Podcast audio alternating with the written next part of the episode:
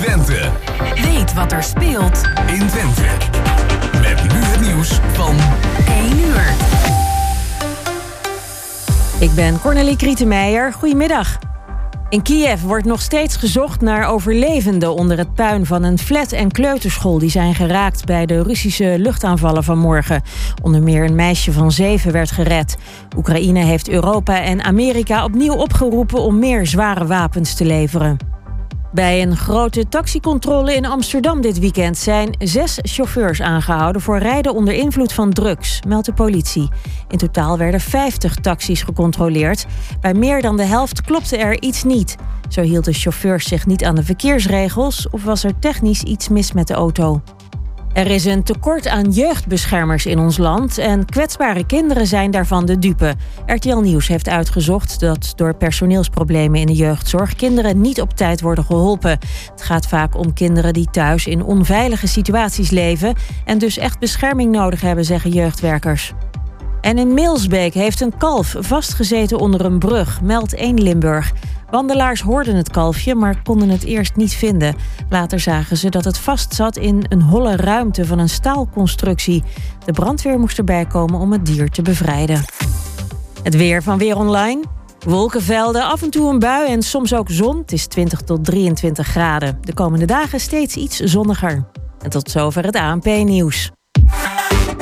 Is jouw auto toe aan een onderhoudsbeurt of een APK-keuring? Maak dan nu een afspraak bij Gebroeders van der Mei in Enschede. Of het nou gaat om APK-keuringen, reparaties, bandenopslag of totaalonderhoud. Gebroeders van der Mei leveren vakmanschap, passie en echte service. Je vindt ons aan de Lonnekerbrugstraat 80 in Enschede. Mam, mama, ik moet plassen. We zijn bijna bij Willemse Toiletten. Daar kun je veilig naar een schoon toilet en je handen wassen. Willemsen Toiletten. Het openbaar toilet in de binnenstad van Enschede. Voor een hygiënisch en plezierig bezoek vindt u in de klanderij. Lever na uw toiletbezoek de waardebon in bij een van de deelnemende winkeliers. Scan de QR-code of kijk op willemsentoiletten.nl Ook ik rij op autobanden van Gebroeders van der Mei. Vind ons aan de Lonnekerbrugstraat 80 in Enschede.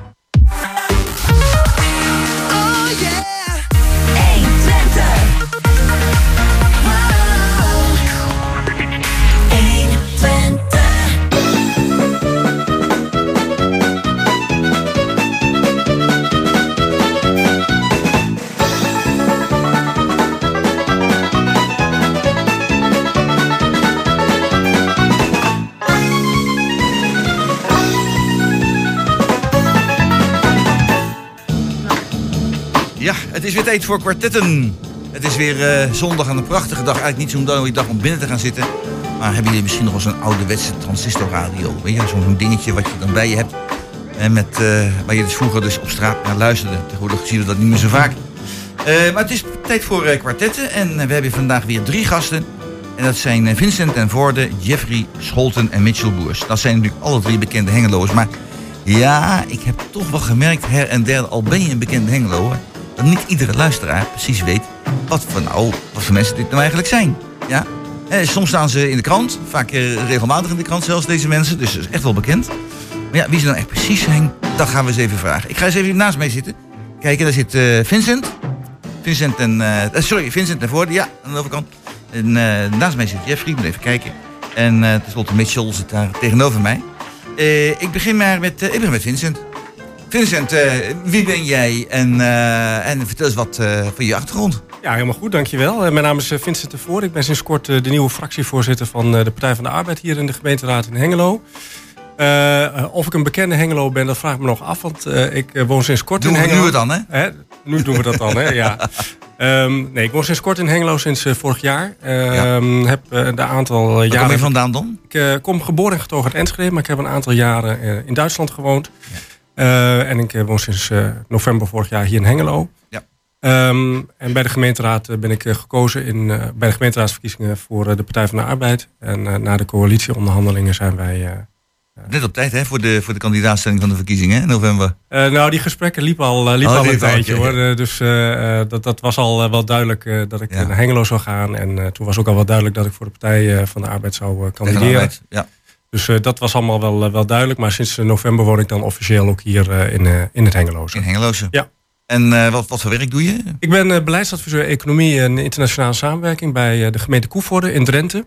Aha. Dat doe ik met heel veel plezier. Dus alle economische ontwikkelingen, bedrijventerreinen, uitbreiding van bedrijventerreinen. En daarnaast ook alle internationale samenwerkingen.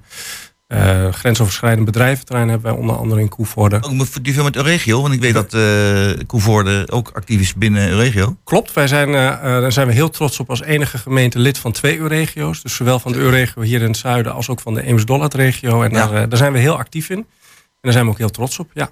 Dat, dat, dat klopt. En daar werk jij ook voor. Daar werk ik, eh, ik eh, adviseer daarin eh, onze wethouders eh, die daarin zitten. in, ja. Nobel werk, nobel werk. Dat is mooi werk, zeker. En dat is ook wel heel mooi dat je ehm, nou, in, in Drenthe natuurlijk heel erg die grensoverschrijdende samenwerking kunt, kunt stimuleren. Iets wat ik volgens mij ja, hier in, in het Hengeloze en hier in Twente ook... Ja. ja. dat, dat zou hier nog wel wat meer kunnen, laat ik het zo En zeggen. hoe gaat het met, met de PvdA met de samenwerking met GroenLinks? Want dat is natuurlijk het hot, hot item. Het ogenblik. item, inderdaad. En hoe, hoe, hoe gaat dat? Ben je daar een voorstander van? Eh, ik ben voorstander van samenwerking. Ik denk Ja. dat het goed is om op links samenwerking eh, eh, te zoeken. Ehm, maar ik ben tegen een fusie. Omdat ik denk dat de beide partijen wel echt een hele andere achterban hebben. Eh, in Ja. de kern ook hele andere partijen zijn. Die zich ook richten op hele andere standpunten en thema's. Dus samenwerken ja. Daar ben ik absoluut een voorstander van. Dat doen we volgens mij landelijk ook al heel goed. En ook hier in het Hengeloze zie ik echt wel punten waar we met GroenLinks ook goed kunnen samenwerken. Uh, maar een fusie, uh, ik denk dat dat echt nog een stap te ver is. Ja. Uh, zie ik het, nou goed, even voor de, voor de nuance tussen die twee, twee partijen. de GroenLinks zijn meestal hoogopgeleide mensen. En denk vaak aan grachtengordel mensen, zo gezegd. Die geld genoeg hebben om heel milieubewust te zijn. Die mogen best meer geld uitgeven. Het is niet zoveel. Dat is wel heel gechargeerd. Ja, heel gechargeerd, zeg even. Maar dan, en dan de PvdA is meer de partij zeg maar, voor, voor Jan Modaal. De, de, de gewone man. Die, uh, die ja, zijn best moet doen om, om zijn leven goed in te richten en voor elkaar te krijgen. En die hoopt toch dat hij een redelijk inkomen kan verwerven. Zie ik dat goed? Uh, nou, wat ik zeg, dat is wel heel gechargeerd. Maar laat ja. ik het zo zeggen, wij vinden het heel belangrijk dat, uh, dat duurzaamheid en, en uh, dat we het milieu ook. Uh, ook zijn we het met elkaar eens dus? Dat zijn we met elkaar eens. Alleen bij ons is wel de vraag van hoe gaan we dat betalen. En dat is natuurlijk wel ook de vraag van hoe gaan we iedereen meekrijgen. Want uh, draagvlak is daarin heel belangrijk. En draagvlak krijg je volgens ons alleen als dat ook daadwerkelijk uh, betaalbaar is. Ja. Dus daar zit denk ik het, uh, het grote verschil. Daar zit het grote verschil in. Oké, okay, nou dan, dan uh, weten we dus inderdaad al wat, wat meer van, van Vincent. nieuwe fractievoorzitter dus van, van de PvdA. Hoeveel zetels zit de PvdA nu? We hebben er nu drie. Dus drie? dat is eentje meer dan in de, in de vorige periode. Ja. Daar zijn we heel blij mee dat we iets, iets gegroeid zijn. Nou, want is ja. echt mager voor zo'n. Want ja. jullie kennen toch wel, je zijn de PvdA, dat is toch de partij altijd in, in Nederland geweest, heel veel jaren. En dan ja, dat, dat, twee zetels was natuurlijk niks. Dat, dat klopt, en dan is drie zetels heel teleurstellend. Maar wij zijn in ieder geval blij dat we na jaren van ja. verlies eindelijk ook weer eens een keer uh, hebben kunnen groeien. Dat we een zetel bij hebben wezen te pakken. Ja. Maar ik ben het helemaal met je eens. Drie zetels is mooi, maar we gaan natuurlijk in de komende jaren wel... Gaat er lekker tegenaan. Nou, we gaan er wel heel veel uh, aan doen om ervoor te zorgen dat we bij de volgende ja. verkiezingen... ja, misschien nog weer één of twee zetels erbij zouden kunnen Moet je pakken. vaker hier bij de radio komen, zou ik zeggen. En dan kun je PvdA nog meer op de kaart zetten. Als ik een uitnodiging krijg, uh, dan zorg ja, ik dat ik doe dat ben. zelf, mag ik dat niet doen, want ik ben ook natuurlijk een beetje verdacht als ik dat zou gaan doen. Dus ik laat altijd Jos Klasinski het allemaal uh, ja. uh, dus uitnodigen. Dus vandaar dat het heel goed. Nou, dankjewel. Ik, ik ga even naast mij kijken naar, naar Jeffrey. Die is de laatste tijd behoorlijk aan de weg aan timmeren, heb ik zo, oh. zo in de gaten voor allerlei dingen. Vertel eens wat over jezelf. ik ben Jeffrey Scholten, ja. raadslid voor Burgerbelangen Hengelo. Uh, voorheen uh, was ik al eventjes politiek actief voor een andere lokale partij. Een lokaal ja. Hengelo, daar heb ik een paar jaar geleden afscheid van genomen. Maar het begon toch te kriebelen. Dus uh, met, met Annie Doorbos gesproken Annie van Doorbos, Burgerbela ja. Burgerbelangen. Die heeft mij uiteindelijk overtuigd om toch wat voor Burgerbelangen te gaan doen. Ja, Annie is wel een icoon hè, natuurlijk. Ja, die, dat, ja. die is overal zichtbaar in Hengelo. En, als er een gebeurtenis was waar Annie niet bij was, was het geen belangrijke gebeurtenis, mag ik wel zeggen. Of, ja, haar bijnaam was geloof ik ook Annie van de Feestjes. Hè? het is moeilijk te kijken natuurlijk. Nee. Oké, okay. maar vertel wat verder. Ja, ik ben uh, ondernemer. Uh, ja, in, in, wat? Uh, ik verkoop duurzame babyartikelen. Duurzame babyartikelen? Ja, waaronder wasbare luiers. Dus ah, ja, moet me denken aan de wasketel van mijn moeder op maandagmorgen. Ja, maar dan Hele zeg maar een, wasbare lui in een modern jasje. Zo modern jasje, oké, oké. Okay, okay. Ja, dat is een hele opkomende markt. Maar goed. Ja, nou, vertel. Ja, ja uh, heb je zelf heb ook baby's thuis? Baby's, ja.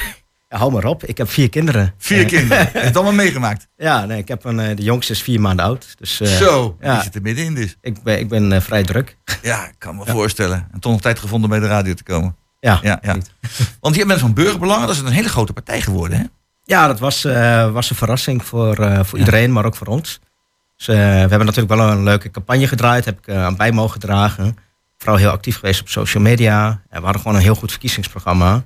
En eh, we kwamen er gewoon goed uit. Maar zeven zetels hadden wij niet verwacht. Nou, nou herinner ik mij, ik, ik ben er al heel lang uit, uit de gemeenteraad, maar ik herinner mij uit die vele jaren tachtig, voordat jullie een beetje geboren waren.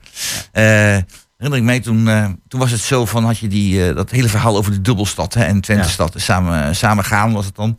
Dan eens ding moet moeten worden, dat is, dat is nooit gebeurd. Maar en toen had Burgerbelangen, die had mij één A4'tje als verkiezingsprogramma, waarvan de helft een boerderij stond aan de onderkant van samenwerken, ja maar samen gaan, nee of zoiets in die richting. Hè? Ongeveer zo'n tekst. Ja. Eh, ik hoor net van eh, jouw overbuurman, eh, ook Enschede en zo heel betrokken geweest, daar gewoond en dat soort Ja. dingen meer. Hoe staat Burgerbelangen nu tegen ten opzichte van eventueel een samengaan tussen Enschede en Hengelo? Is dat is er nog een idee bij jullie of eh, is dat het lang voorbij? Ja, het staat ook in het eh, coalitieakkoord. Hè, dat we juist de samenwerking ook met, eh met Enschede meer, meer moeten opzoeken. Ja. Dus dat is heel belangrijk. En- dat is natuurlijk samen- heel wat anders dan, alleen maar zo? samen gaan is natuurlijk heel wat anders dan Samengaan is wat anders. Dat, Ja. dat doen we nog niet. Nee, nee, zover zijn we nog lang Nee, niet. maar, Nee. Hengelo is geen Enschede, hè? Ja. Het Hengelo niet. Nou, dan ga ik even naar, naar de overkant, naar, naar Mitchell. Ja, Mitchell als, als laatste, als derde. Last but not least zeggen ze altijd. Eh, Mitchell, eh, jij bent, zit ook in de politiek? Ja. Ja, en wat doe jij daar zo? Ik eh, ben op dit moment de fractievoorzitter van de VVD. Fractievoorzitter in de VVD. Oh. En, Dus, eh, ja, nou. Ja, nee, nee, nee, ik, ik vraag het maar. Ja, ja, de VVD, we hebben de, de PvdA gehoord. We, de, de- we hebben hier burgerbelangen, de VVD. Ja. Nee, democraten zijn wij, dus allemaal voor. Precies. Maar, dus je bent de fractievoorzitter van de VVD. Ja. En te lang?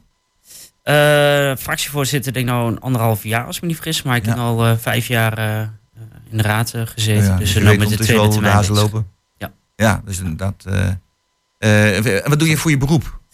Eh, nou ja, dagelijks leven ben ik nog student. Ik heb net mijn scriptie echt net een paar half uurtje geleden afgemaakt. Dus die stuur ik zo meteen op als ik weer naar huis ga. Wat, wat voor scriptie? Wat voor scriptie? Geschiedenis. Ik ben nog bezig met master eh, in geschiedenis. Ja, dus ik hoop dat hij nou voldoende is. En wat is het thema van je scriptie?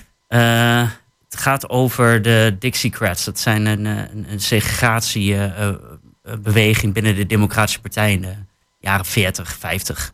En dat gaat dan meer over hoe die zich. ehm, ehm, hoe die, die, die, die, die donateurs van die partij, hoe die eh, eigenlijk een hele verschuiving van het, ja, wat in het zuiden voornamelijk heel veel op de Democraten stemde in het verleden, stemmen natuurlijk nu het zuiden heel veel op de Republikeinen. Nou ja, die Dixiecrats, die hele beweging, die heeft daar een invloed in gehad. En hoe eh, de Democratische Partij eigenlijk heel Ja. progressief is geworden. En de Republikeinse Partij juist heel eh, conservatief. Ik heb een, een donkerbruin vermoeden dat niet iedereen snapt wat je nu vertelt. Ik denk het ook. Maar eh, dat hoeft ook niet direct. Maar in ieder geval, het is een, een, een boeiend onderwerp. En, Heel boeiend. Klinkt ja. heel geleerd. Ja, ja, ja. Heel geleerd. Ja, is mooi. wel. En dan, eh, dan hoop jij eh, zeer binnenkort dus je master te halen. Ja, dus ik, eh, ja, ik leef hem dan in en dan hopelijk is dat voldoende. En dan, ja, wat ik zeg, nou, verder, verder dagelijks leven naar student. eh, dus ook nog geschiedenisdocent, nog eventjes. Geschiedenisdocent ook? Ja. Waar? In Enschede, Stedelijk Lyceum. Stedelijk Lyceum. Maar ehm, ik HAVO? Nee, MAVO, HAVO, VWO. MAVO, HAVO, VWO. Ja, Ja. Dus echt onder, bovenbouw, echt het hele scala. Ook de hele scala. Heel mooi werk. En eh, nou ja, binnenkort eh, ga ik wat eh, ga ik, ander werk doen. Dan wil ik even niet lullig doen, maar een, een historicus, je bent een historicus, hè? Dus als je master hebt, je echt historicus. Een historicus en een VVD, dat is toch geen combinatie? Want geschiedenisleraar, ik herinner me van vroeger, die zaten toch allemaal veel meer richting PvdA en, en dat soort zaken dan, dan, dan dat ze bij de VVD zaten. Want de VVD is toch de partij van de ondernemers, ja? Mhm. Hè, en van, van, van eh, al nog niet kleine zelfstandigen en dat soort dingen. Hè? Of zo. eh, Dat, dat zou je toch meer bij de VVD. eh, En maar een historicus. Hoe kun je dat combineren nou, zo'n VVD, een liberale partij, met, met, met iemand als die geschiedenis doet? Hoe, hoe, hoe, hoe zit dat? Nou ja, ik bedoel, Rutte heeft geschiedenis gestudeerd, hè? Dus dat kan. oh ja, dat kan president ook. Ja, ja, ja. Nou ja, kijk, je hebt natuurlijk wel een, als je echt voor de periode voor Wiegel gaat, hè, onder Wiegel is de VVD wel echt een volkspartij geworden. Ehm, en je ziet nu ook wel in de afgelopen jaren, ik merk het ook wel in de docentenkamer, dat heel veel eh, collega's toch wel eh welwillend zijn om inderdaad, waar ze in het verleden heel vaak links stemden, dat ze nu wel iets meer eh, de rechterkant op gaan. kan je natuurlijk ook meteen een tegenvraag stellen. Is de VVD linkser geworden? Ehm, nee, ik denk dat we wel... dat- ik denk het niet. Maar ehm, we, zijn, eh, we zijn wel echt een, echt een volkspartij. En eh, dat is ook wel de reden waarom ik daarbij zit. Ik bedoel, als je mij gaat vragen van... eh, kom je uit een typisch VVD-nest? Absoluut niet. Ik bedoel, mijn vader was gewoon een postbode. Mijn moeder die heeft secretarieel werk gedaan. Die heeft de catering werkt ze. Dus dat zijn niet echt waar mensen denken van... oh, VVD, twee auto's voor de deur. En dat, dat totaal niet. Het is gewoon hard werken. En, ja, eh, en daar, daar mag je terug in je portemonnee. Want ik hoorde dus even al, eh Vincent, ik hoorde van, van jou ook van, ja, het is heel vaak beeldvorming, hè, wat, wat, wat mensen dus hebben. En ik maak dus in een geheim gechardeerd het beeld van, van de PvdA. Ehm, eh, Vincent, wat, wat vind je? Vind je dat de, zeg maar, de politieke partijen, hè, eh, dat die eigenlijk in het, in het beleid steeds meer eh, naar elkaar toe groeien?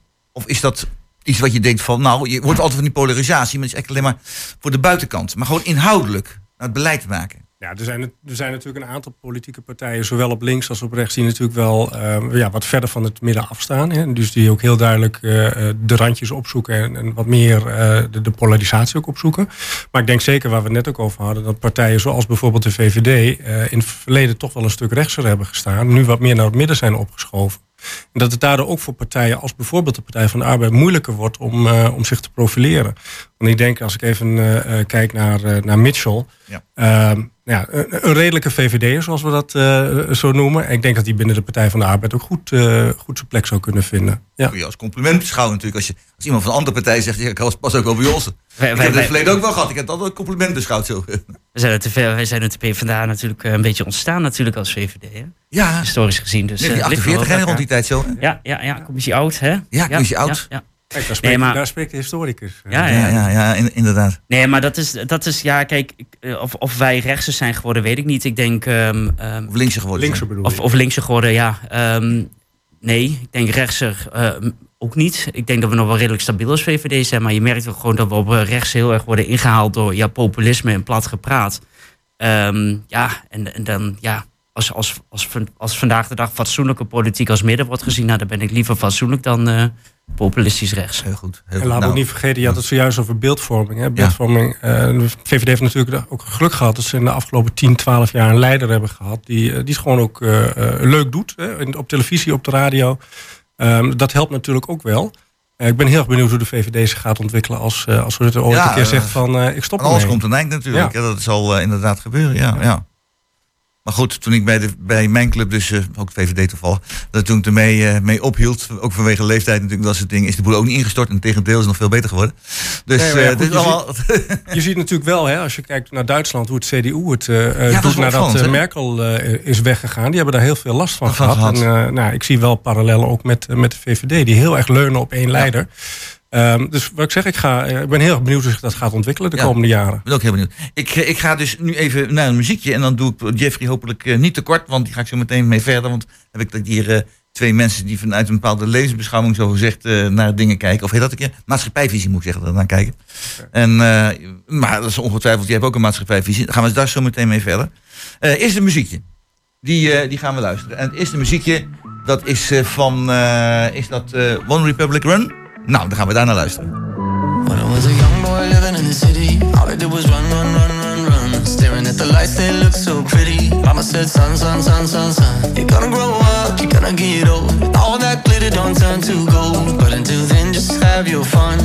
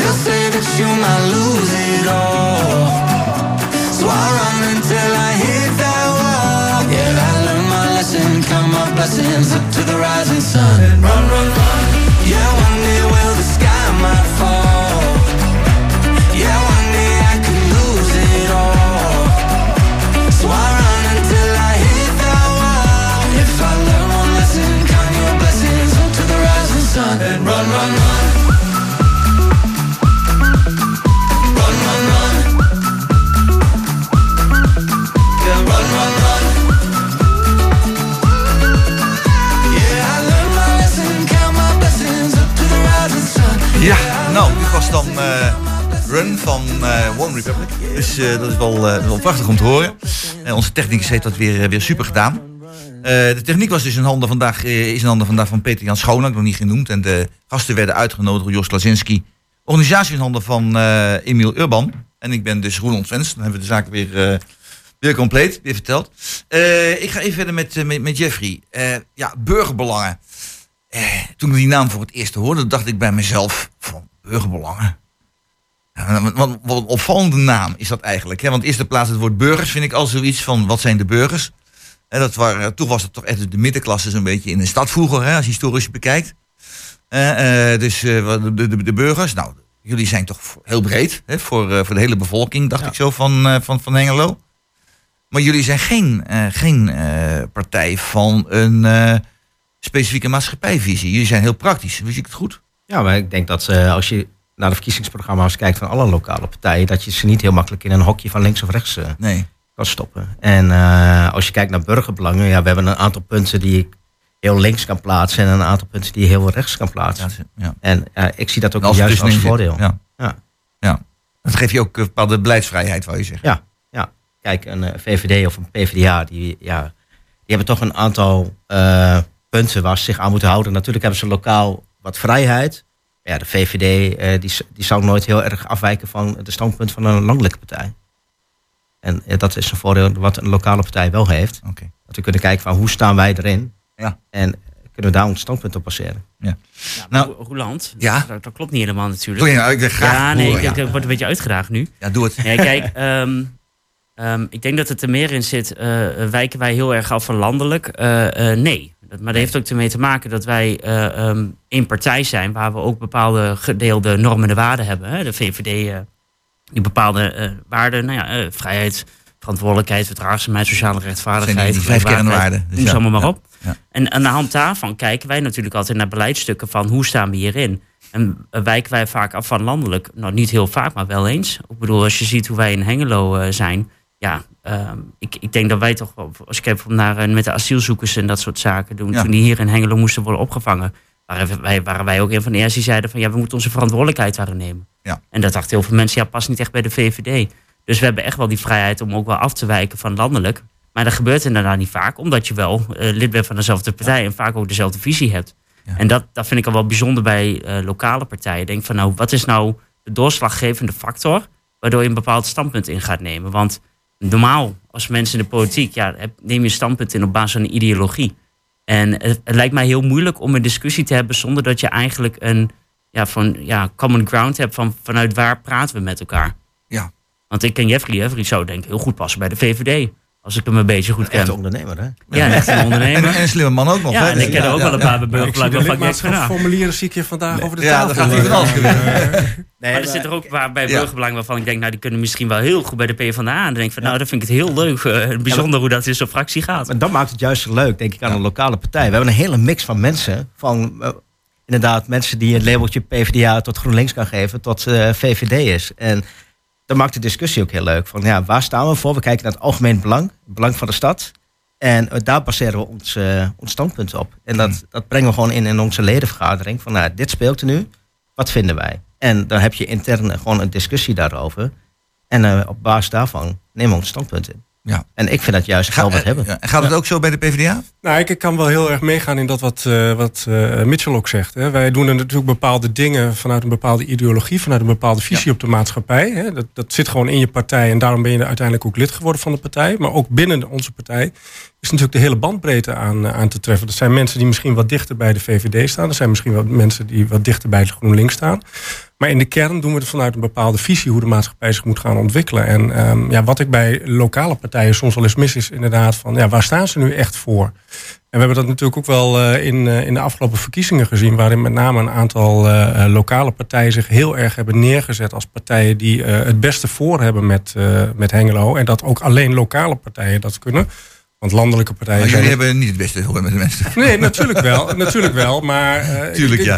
ik, eh, ehm, ben een beetje huiverig eh, voor als, als partijen het alleenrecht gaan claimen op het feit dat zij het beste voor hebben met Hengelo. Kijk, wij zijn VVD, GroenLinks, CDA, PvdA. Allemaal Hengeloers die het beste voor hebben met deze stad. En dat doe je natuurlijk. je, bent, je gaat de lokale po- politiek in om wat te kunnen betekenen voor je stad. Ja.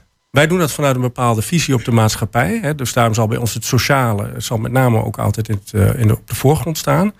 Uh, maar ik heb me in de verkiezingscampagne wel wat geërgerd aan, aan partijen, lokale partijen, die uh, een beetje deden voorkomen alsof ze het alleen recht hadden op, op het goed doen voor Hengelo. Ja, nou, nou, ik denk dat we het wel over eens zijn dat als je in de gemeenteraad gaat en je moet er zoveel tijd en energie in steken, en dat je, en meestal na zijn volledige baan ook nog, en zelfs een studie erbij van Mitchell nog ook nog. Dus, uh, die was dan, bijna klaar, hè? Die ja, die bijna dus, klaar, uh, maar toch, een master die heb je niet zomaar. Dus als je het allemaal bij elkaar neemt, dan, uh, dan moet je echt wel uh, hard voor de, voor de inwoners van onze stad hebben, anders doe je dat niet. Dat zeker. Dat, dus dat, ja. dat, dat, absoluut. En uh, ik vind ook dat iedereen die die tijd neemt, of je nou als raadslid of als fractievertegenwoordiger of als bestuurslid van een partij, dat is absoluut te prijzen. Ja. Uh, maar laten we dat wel ook doen met een, nou, met een gedeelde uh, interesse om, om Hengelo echt naar voren te brengen en om daar ja. verbeteringen nou, laten we meteen maar eens een, een, onderwerp, we zijn niet algemeen aan het praten, maar een onderwerp bij, bij de kop vatten, zoals het heet. en dat is het, ja, het, het, wonen in Hengelo. Hè? Het wonen in Hengelo. We hebben dat, er zijn nog wat dingetjes geweest in de afgelopen week die over het wonen gaan. Dit was niet zo'n hele spannende week over het algemeen, vond ik zelf uit de krant. Maar het wonen stond er wel redelijk pertinent naar voren. Jeffrey, Jij had uh, nogal uh, pittige toestanden in de raad, geloof ik. Hè? Oh, Met, uh, ja. Stel eens even, want het ging over illegale verhuur. Ja, je hebt nu twee dingen in Hengelo. Hè. De een is de opkoopbescherming, die, die we afgelopen week hebben besproken in de politieke markt. Ja. En, Gaat dat door? Gaat dat door? Ja, er is een meerderheid van de raad die voor is, dus het lijkt ja. door te gaan. Mm -hmm. in aanvulling daarop heb ik een suggestie ingediend om ook een, een, bestuurlijke boete in te voeren. Op het moment dat er sprake is van illegale kamervuur is natuurlijk de laatste tijd veel in de media geweest. Hè, dat uh, woningen illegaal worden ondervuurd aan uh, onder andere arbeidsmigranten. Dat zorgt voor best wel veel ja. overlast. Was je advocaat, hè? Die, die, die, ja, de, die advocaat die bijvoorbeeld meerdere woningen die die verhuurt. Ja. En ook nog eens illegaal. Nou ja, ik ben van mening, op het moment dat jij een woning koopt... dan weet je echt wel dat je die niet zomaar kan gebruiken om, om kamers te verhuren. En in, gemeente, in de gemeente Hengelo zijn we daarin nog wel vrij coulant. Op het moment dat wordt geconstateerd dat er sprake is van illegale kamerverhuur... Wat, eerst... wat, is, wat is precies illegale kamerverhuur? Wat was, was illegaal? Want, want ik heb zo, als je een, je hebt een huis gekocht. En, uh, want je, ja, bij de bank levert je geld niks meer op. Dus uh, je koopt een huis. Mm -hmm. En dan verbouw je dat tot een aantal kamers. Nou, dan ga je te verhuren. Ja, wat was het illegaal aan? In Hengelo hebben we bestemmingsplannen. En een paar ja. jaar geleden is een uh, paraplu-herziening wonen, als ik het uh, goed uitspreek. Paraplu-herziening wonen, dat is een mondvol. daarin staan een aantal regels opgesteld wanneer je een woning mag gebruiken voor kamervuur. Okay. Er staat onder andere in van uh, het moet niet de leefbaarheid in een wijk aantasten. En op het moment dat jij een tussenwoning in een kindrijke wijk gebruikt voor kamervuur, waarin je zes uh, mensen zet, met, uh, dat zorgt voor parkeeroverlast, dat zorgt voor geluidsoverlast, et cetera. Dat willen we gewoon niet in Hengelo. Ja. En ja. dat is dus allemaal vastgelegd in die paraplu-herziening. Ja. Nou, nou ga ik even hier naar de overkant. Ik ga even naar Mitchell. want ik heb wel eens landelijk begrepen dat de VVD, ik weet niet hoe het hier is, wat minder kritisch is die zegt ook van, nou, als je geld hebt, heb je gewoon geld en dan kun je rustig een huis kopen en dan kun je rustig gaan verhuren. Uh, ik weet niet of je dat beeld goed hebt, maar kun je, kun je dat wat aangeven hoe dat nou bij de VVD zit? Want ik weet nou burgerbelangen, die is nogal duidelijk hierin. Is de VVD in Engeland ook zo duidelijk? Nou, we hebben daar een hele discussie over gehad in de, in de, in de raad, uh, de politieke markt. Afgelopen uh, dinsdag was dat. En daar ging het inderdaad over de opkoopbescherming. En um, VVD is altijd wel heel terughoudend. En da- daar komt het ideologisch naar voren. Als liberalen zijn we tegen te veel regels. Ehm, gaat het, ehm, ehm, zijn we altijd terughoudend in het opstellen van te veel regels. Ja, we zien nu wel met, de, met de, hoe de woningmarkt ervoor ligt. Hè, dat, dat het krapte is. Dat we misschien moeten kijken van hoe kan je als overheid toch nog mensen eh, enigszins helpen om aan een woning te komen. Denk aan starters, maar denk ook aan het eh, faciliteren van doorstroom. Betekent gewoon bouwen eh, van meer woningen. Dus er zitten, er zitten heel veel aspecten aan aan die hele eh, woningbouw. Nou, we hadden het voornamelijk over de eh, eh, opkoopbescherming. Nou, wat, eh, wat dat nou precies is. Nou ja, je, hebt, je hebt de zelfbewoningsplicht en je hebt de opkoopbescherming. Nou, de zelfbewoningsplicht hebben we al in Hengelo. Dat is eigenlijk gewoon, ehm, ja, als jij een eh, pand koopt, eh, dat je daar ook gewoon gaat wonen. Ehm, voor een aantal jaar. Dus niet dat je het, eh, ja, wat je in, eh, in, in Amsterdam hebt, dat je dan al die huisjesmelkers krijgt. Nou, dat hebben we al in Hengelo. En de opkoopbescherming gaat, is meer gefocust op eh, huur. En daar betekent eigenlijk meer van, nee, dat is het, eh, voorbeeld wat, eh, wat Jeffrey net eh, aankaartte. Dus dat jij, ehm, als jij een, een, een pand koopt, dat je dat niet gaat ja, onderverhuren voor, tegen, ja, dat de kwaliteitseisen ook niet meer voldoen en dat soort zaken. Dus dan wordt het daar in die zin wat moeilijker gemaakt. Alleen de discussie die we in de raad hadden van moeten we dit gaan doen, die opkoopbescherming. En de discussie zat er meer op van, ehm, nou, we kregen een, een, een, vanuit de ambtenaar, ehm, die, die legt even uit van wat is er nou precies die opkoopbescherming, wat, zit er, eh, wat, ze- wat, ze- wat kunnen we er in Hengelo mee doen, is het verstandig om het in Hengelo uit te voeren. Nou, er zaten wat financiële aspecten aan, het zou 65.000 extra kosten per jaar, ehm, rondom handhaving en dat soort zaken. En eh, je moet dat goed kunnen onderbouwen als gemeente, wil je dat indoen. Want ehm, je, je, grijpt natuurlijk wel in op de vrije markt. Want je gaat als overheid ga jij je bemoeien eh, met de woningen. Ehm, in Hengelo is het, het zo het geval, voornamelijk rond die opkoopbescherming, dat jij niet juridisch vast kan zetten van of het echt daadwerkelijk in Hengelo nodig is. En wij hebben als VVD gezegd, nou ja, we hebben voldoende, eh, voldoende instrumenten in Hengelo om, ehm, om, om die woningen te beschermen. Dus om nou extra regels toe te gaan voegen waarvan we niet eens weten of dat de oplossing gaat, zal zijn. Waarschijnlijk is het niet eens de oplossing. Dan kiezen wij liever voor minder regels in plaats van meer regels. Maar Dat is een FVD-standpunt. hè. Minder regels. Maar ik ga even hier naar eh, de, de man hier in het midden bij mij. Ja, dat En die zit echt te popelen, want die heeft daar ook een heel duidelijke visie op zo te zien. Nou, ik, ik, ik vind het een heel technisch verhaal wat, eh, wat Mitchell houdt. En in de kern is, is eh, de discussie zoals we die eh, eh, ehm, afgelopen dinsdag gevoerd hebben, is dat wel juist. Maar waar het ons als Partij van de Arbeid om gaat. Eh, wij zijn natuurlijk ook initiatiefnemer van de motie geweest die eh, tot deze eh, opkoopbescherming heeft geleid. Waar het ons om gaat is, gaan we als gemeente Hengelo alle maatregelen inzetten die nodig zijn om de, om de huizenmarkt, om de woningsmarkt weer te normaliseren. Dus ervoor zorgen dat jongeren, starters weer op een, binnen een, een, redelijke periode een huis kunnen kopen of huren. Ehm, dat de huizenprijzen naar beneden gaan en dat er ook voldoende woningen zijn. En daar is de opkoopbescherming, zoals Mitchell dat al aangeeft, is daar één maatregel van. Nou, daar zit inderdaad. meer, wat wil je nog meer hebben dan? Ja, je zou inderdaad kunnen denken aan het onderzoeken van de mogelijkheden van erfpacht. Eh, dat heb ik ook afgelopen dinsdag in de, in de politieke markt ook aangegeven. Je zou kunnen kijken naar startersleningen. eh, wat dat zou kunnen betekenen voor de woningmarkt. En zo moet je gaan kijken naar een, naar een scala aan maatregelen om die woningsmarkt weer te gaan normaliseren. En daar is de opkoopbescherming is er daar één van. Nou, wij hebben ons daar duidelijk gepositioneerd. Wij zijn een voorstander ervan. En we zijn ook een voorstander van om dat in de praktijk te gaan uitproberen. En eh, nou, zoals Mitchell heel terecht aangaf, er zitten inderdaad wat kosten aan. Er werd ook wel wat juridische eh, eh, voorbehoud werd er eh, door eh, de ambtenaar ook wel aangegeven. Maar wij zeggen van laten we nou eens in de praktijk gaan uitproberen. En als blijkt dat het in de praktijk dan uiteindelijk niet, eh, niet, eh, niet lukt of niet het ge- gewenste effect heeft, dan kunnen we het altijd nog bijstellen. Eh, maar laten we het in ieder geval wel eens uit gaan proberen. Want volgens mij, ja, ondanks dat de cijfers nu wat, wat ontspannender worden, hè, dus dat het lijkt alsof de woningmarkt weer wat gaat normaliseren, zijn we er nog niet. Moeten we wel alle regels en maatregelen gaan uitproberen. En daar hebben we inderdaad een ander standpunt dan de VVD. Precies. Nou, ik denk dat we zo meteen na het muziekje er nog eens over doorgaan. Want wat, hoe werkt dat nou in de praktijk? Hè? De, de, de woningbouw. ik denk dat een hot item geweest deze week. Eh, het muziekje wat we gaan beluisteren is eh, Make It a Memory van Cresip en Danny Vera.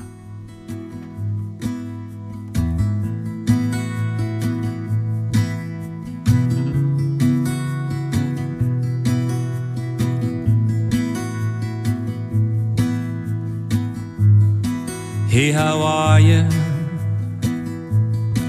Did you see the news today? It's been getting crazy, but it's always been that way. Are you holding up?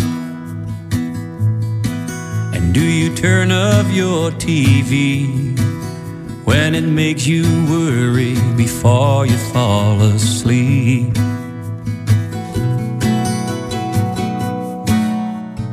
Don't let it bring down. Don't let it bring you down. Just see what tomorrow brings.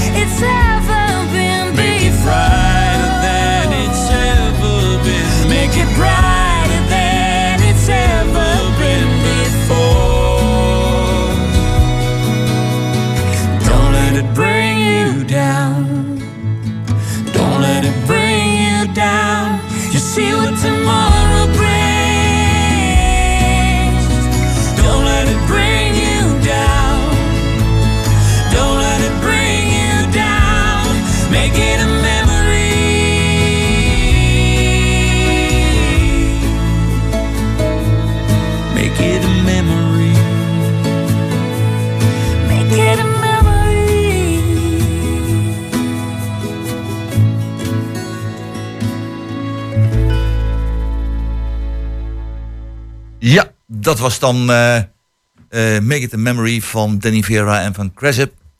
Eh prachtig nummer ook om te horen. Zeg, heel, heel melodieus. Hè? Ja, we zouden wat verder gaan over het, het wonen in Hengelo. Ik, dat is, is altijd al een beetje een, een punt geweest. Hè? Dus ik moet zeggen, ik ben geen echte Hengelo. Ik woon pas 50 jaar in Hengelo. En sinds, sinds een maandje geleden woon ik wel 50 jaar in Hengelo. Dus ja, dat duurt altijd heel lang. Maar mijn kinderen zijn het gelukkig wel. Dus dat scheelt weer. Dus maar eh, altijd een beetje een punt geweest. Men vond de huren te hoog, of er was te weinig woningen, of er waren te, weinig eengezinswoningen. En eh, er waren te weer te veel flats en dan moest die weer verbouwd worden. Het is altijd een, een, een puntje geweest. Maar nu zijn de eisen om te gaan bouwen zo hoog. eh, is het wel mogelijk om eh, tussen de 3.500 en 4.000 woningen te halen, waarvan een kwart betaalbaar moet zijn. En dan wil ik even doorgaan op het begin betaalbaar. Ik ga meteen naar de PvdA daarvoor. Hè. Ik denk dat is de goede club die ik aan kan spreken. Lukt dat wel? En wat zijn eigenlijk betaalbare woningen? Nou, betaalbare woningen zijn in ieder geval hè, dat, je, eh, dat, dat het eh, onder de huurgrens is. Hè. Dus dat het, eh, zo- eh, dat het gewoon betaalbaar is ook met een, met een eenpersoonsinkomen. Dat is belangrijk. Ehm, even terugkomen op dat wat jij zegt. Gaat het lukken om die woningen te bouwen? Volgens mij is het, moeten we de, de, de getallen wat loslaten. En we hebben terecht volgens mij opgeschreven in het collegeprogramma. Ehm, dat wij willen bouwen naar behoefte. En volgens mij moet dat heel erg in kaart gebracht worden. Hè? Waar is behoefte aan? Voor welke doelgroep? En daar moet op gebouwd worden. En parallel aan dat traject moet je gaan kijken van hoe gaan we... Gaat het ook voor, gaat het voor aantallen of gaat het voor de type woning? Voor type woningen. En natuurlijk ook het aantal. Hè? Dat, dat gaat hand in hand. En hoeveel woningen kunnen er gebouwd worden de komende jaren dan? Nou, we hebben natuurlijk hè, vanuit de, de woonvisie die 35 tot 4000 woningen, dat staat nog steeds. Ja. Maar zoals gezegd, we moeten wel gaan kijken, hè, waar is behoefte aan? Hè? En dat is niet alleen qua doelgroep, maar natuurlijk ook qua aantallen. En daarnaast moeten we parallel gaan kijken of de regels voor het bouwen van woningen, want dat geef je heel terecht aan. Hè, dat is natuurlijk allemaal strenger geworden, dus allemaal lastiger. Procedures duren ook allemaal langer. Om te gaan kijken hoe we dat ook wat meer los gaan trekken. En eh, ja, dat moet in de komende periode onderzocht gaan worden. Ja. Eh Michel, eh, hoe denken jullie erover bij, bij jullie club, de VVD, van eh 3.500, 4.000 woningen bouwen in, in een korte tijd? Nou ja, Gaat dat? Eh, dat gaat gewoon lukken. Gaat Eh, lukken. wij hebben zelfs gezegd, als VVD eh, gaan we erop, willen we juist meer dan die woningen die er nou eh, gepland staan. Meer. Maar ja, ehm, als we gewoon kijken naar inderdaad wat Vincent net ook zei, van we hebben het in een programma, eh, eh, collegeprogramma staan van dan moeten bouwen naar behoefte.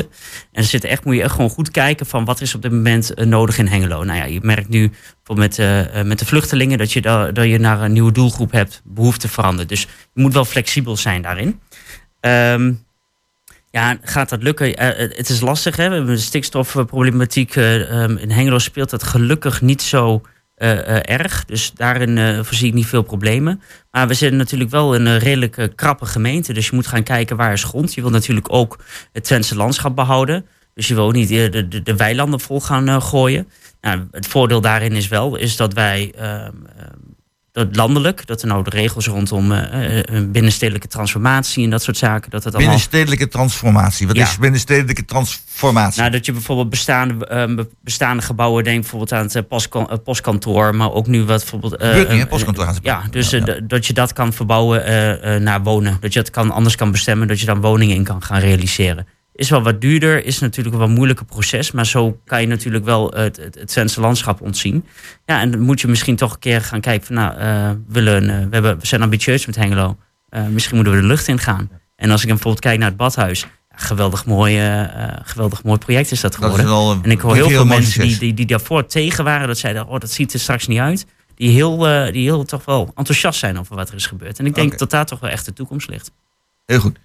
Jeffrey, hoe kijk jij daar tegenaan? Het, het, eh, het, het woonverhaal Nederland. Halen we die 3.500, 4.000 woningen en moet dat aangepast worden naar behoefte? Of hoe, hoe kijk je daar? Ja, ik denk wel dat we, dat we die aantallen gaan halen. En natuurlijk moeten we kijken van waar is behoefte aan, eh, wat voor type woningen. Eh, het zijn nu vooral geloof ik betaalbare woningen die, Ja. die nodig zijn. Wat is een betaalbare woning? Ja, dat is onder de huursubsidiegrens 750 euro. Maar ook dat eenpersoonshuishoudens gewoon een woning kunnen kopen of huren. Ja. En wat mensen net al aanhouden, ik denk dat we misschien wat meer de lucht in moeten. Eh, op plekken waar het kan. Bestaande kantoorpanden ombouwen naar eh, studio's, eh, appartementen, et cetera. Dus dat, dat is er wel voor nodig om die doelstellingen te behalen. Ja, nou dan heb ik over die doelstellingen en, en naar behoefte. Eh, heel Nederland is aan het vergrijzen. Mhm.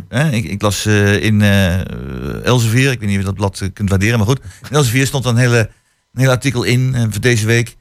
dat ja, de vergrijzing behoorlijk toeneemt. Het is echt, moeten we er ook echt op gaan bouwen in Hengelo op vergrijzing? Ja, ik denk dat je ook misschien meer moet kijken naar levensbestendige woningen. Ik woon nu eh, in de buurt van Nijverheid, eh, Lisahof. Dat is een heel mooi voorbeeld ervan. Ja. Er staan een eh, mix aan woningen, maar ook een aantal levensbestendige woningen. Mensen die kunnen gewoon op de begaande grond wonen. En daardoor bevorder je ook de doorstroming. Want die mensen blijven nu zitten in hun huis, omdat ze geen alternatieve woning hebben.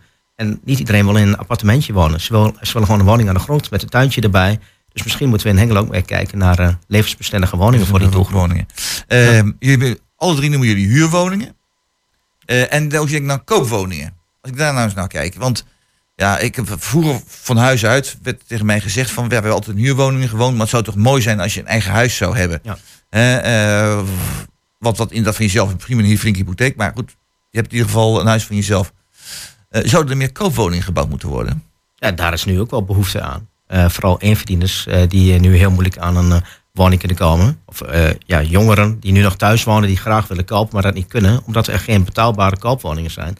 En als die er ook zijn, dan zijn ze zo weg of wordt er zwaar overboden. Nou, gelukkig koelt de woningmarkt wat af. Maar ja, de, de hypotheekrente schiet nu ook de lucht in. Ja. Dus dat wordt ook alweer lastig. Uiteindelijk om, betalen ze dan hetzelfde bedrag. Al, ja. al zou het Ja, linksom of rechtsom, eh, wel. Ja. Ja.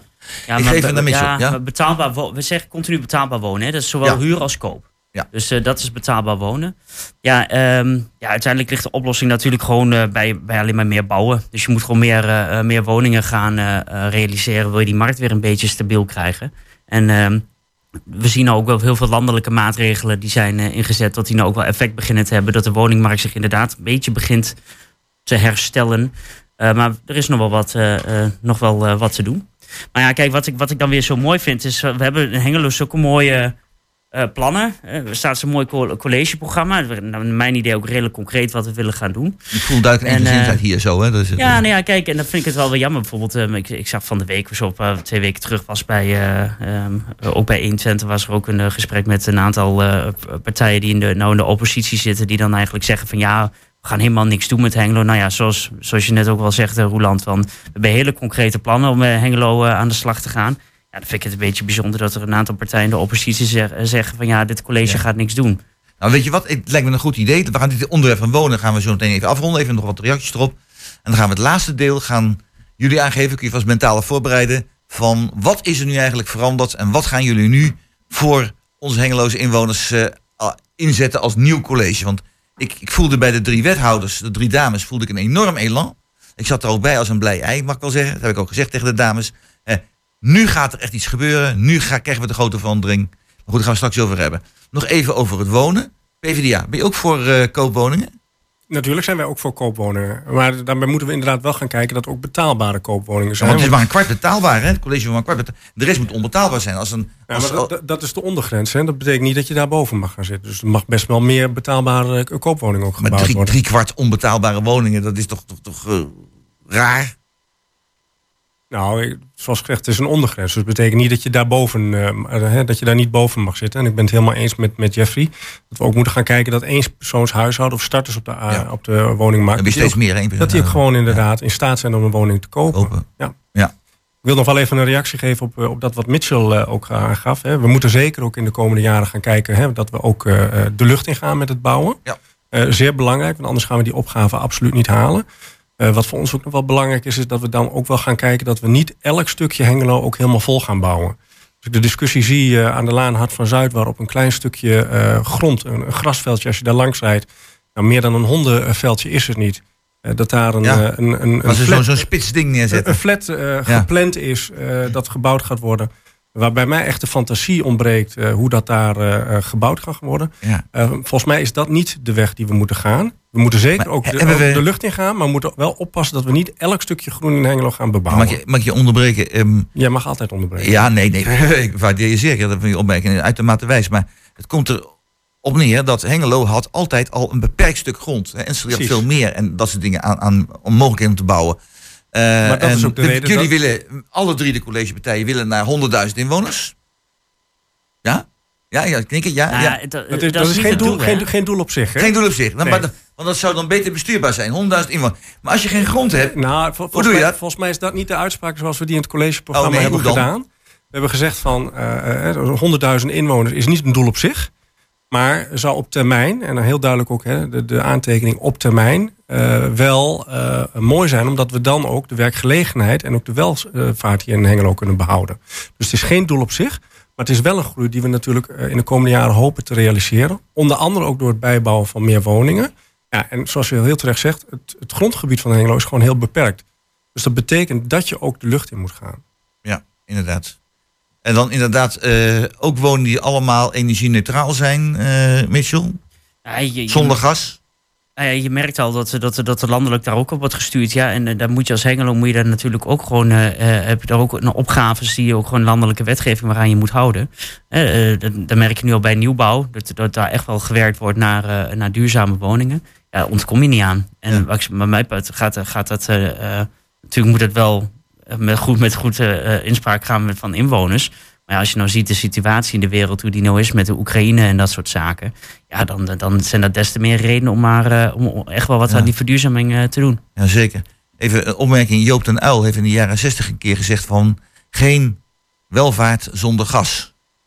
Maar goed, het waren andere tijden natuurlijk. Eh, ondanks dat je mij misschien niet aanzet, eh, aanziet, maar in de jaren 60 was ik nog niet geboren. Dus, dat weet eh, ik.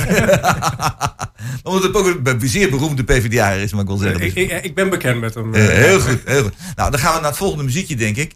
En dat is Love About It van Raccoon.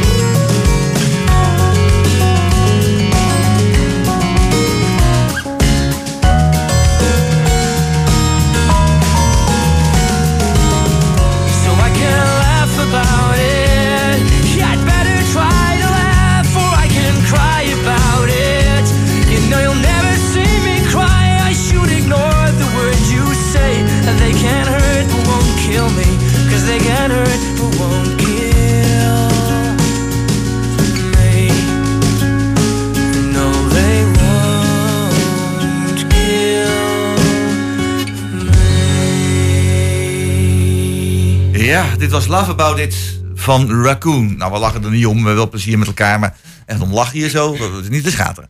Eh, want we gaan nu over naar een heel belangrijk punt, want de drie wethouders die bij ons op bezoek waren, de vorige week, nee, een maandje geleden alweer, gaat hard de tijd, eh, die, eh, die waren dus heel positief. We gaan naar de mensen toe, we gaan alles anders doen, we gaan het beter doen. Nou, ik voel helemaal blij, ei, geweldig.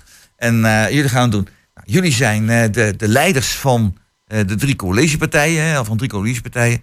En eh, nou, uitermate intelligente mensen, hard werken ook. Ik ben heel positief, ook hier weer een blij ei van mijn gevoel. Eh, maar maak het eens concreet. Wat gaan jullie nu echt doen? Eh, kijk naar Jeffrey als eerste. Jeffrey, wat gaan jullie nou extra doen om Hengelo echt te ondersteunen? De mensen in Hengelo echt dat, dat fijne gevoel te geven van de politiek zorgt voor ons. Ja, nee, wat natuurlijk een, een terugkomend punt was, is, is dat eh, heel weinig mensen naar de stembus zijn geweest. Dat ze het vertrouwen in de politiek Ja, maar dat- dat eh, is zijn niet best, hè? Dat is niet best. Nee, nee, dat eh, was nog niet eens de helft. En Oei. eh, dat is eh, dramatisch. En ja, Burgerbelangen heeft natuurlijk al die tijd geroepen, hè, communicatie, communicatie, communicatie, dat moet beter. participatie niet. hè? Participatie en eh, communicatie. Participatie. Ja, Participatie. die participatieladder die, waar nooit wat van terecht gekomen is. Maar Nee, goed, dat is maar een verhaal. wa- eh, een mooi voorbeeld Ja? te noemen van wat je nu vaak ziet, is dat er eh, projecten eh, spelen bij mensen in de buurt. En eh, die worden door de ambtenaren eh, uitgewerkt. Eh daar ligt de inzage. Mensen mogen daar eh, bezwaar tegen maken. En er wordt verder niks mee gedaan. Dus wat, wat het probleem is, mensen voelen zich dan niet gehoord. En wij zeggen van neem die mensen direct mee vanaf het begin, voordat je het plan gaat maken, mee in dat project. Van we gaan, eh, we gaan de weg bij jou aanpassen. Wat vinden jullie belangrijk? Betekent niet dat we dat mee kunnen nemen, maar het- je wordt in ieder geval erin meegenomen. En dan wordt het plan uitgewerkt, een aantal plannen. Dat wordt voorgelegd bij die inwoners. En dan wordt het beste plan eruit daar ga ik, ik ga nu naar, even naar de overkant. Eh, ik ga naar, naar Vincent. Vincent, we hebben in de tijd problemen gehad, jaren geleden hoor, ook Mm. De Troelstraatstraat die vervangen moest worden. En eh, daarbij was sprake dat er meteen inspraak was van de participatieladder. En dat iedereen mocht er meepraten. En geweldig. En er waren ambtenaren stil, hadden drie inspraakavonden hoe het dan moest gaan worden. Eh, allemaal mooi en aardig. Uiteindelijk kwam er een, een, van de, uit de bonus een totaal ander verhaal uit. En ook van Veilig Verkeer in Nederland kwam een heel ander verhaal uit. Maar nee, zei toen wethouder van de PvdA, Hans Kok, die zei toen eh, van... ja, alles goed en wel, maar het is een doorgaande weg... en die moeten we altijd met vrijliggende fietspaden hebben... en die boom moet altijd weg. Dus conclusie was van veel raadsleden... ja, maar hallo, als we inspraak zouden hebben en we zouden kunnen... dan, dan mag het toch niet gebeuren. Die inspraak nu voor, in Hengelo, die de mensen krijgen... wordt dat nu echt inspraak of wordt het weer zo'n fars om de mensen te horen... maar dat ze toch niet gehoord worden? Nou, als het aan ons ligt, en eh, ik kan me daar heel erg goed aansluiten op het verhaal wat Jeffrey zojuist ook aangeeft, wordt, het- wordt het inderdaad echte participatie. Maar bij, partici- participatie. maar bij participatie hoort ook dat je de verwachtingen aan de voorkant heel goed managt.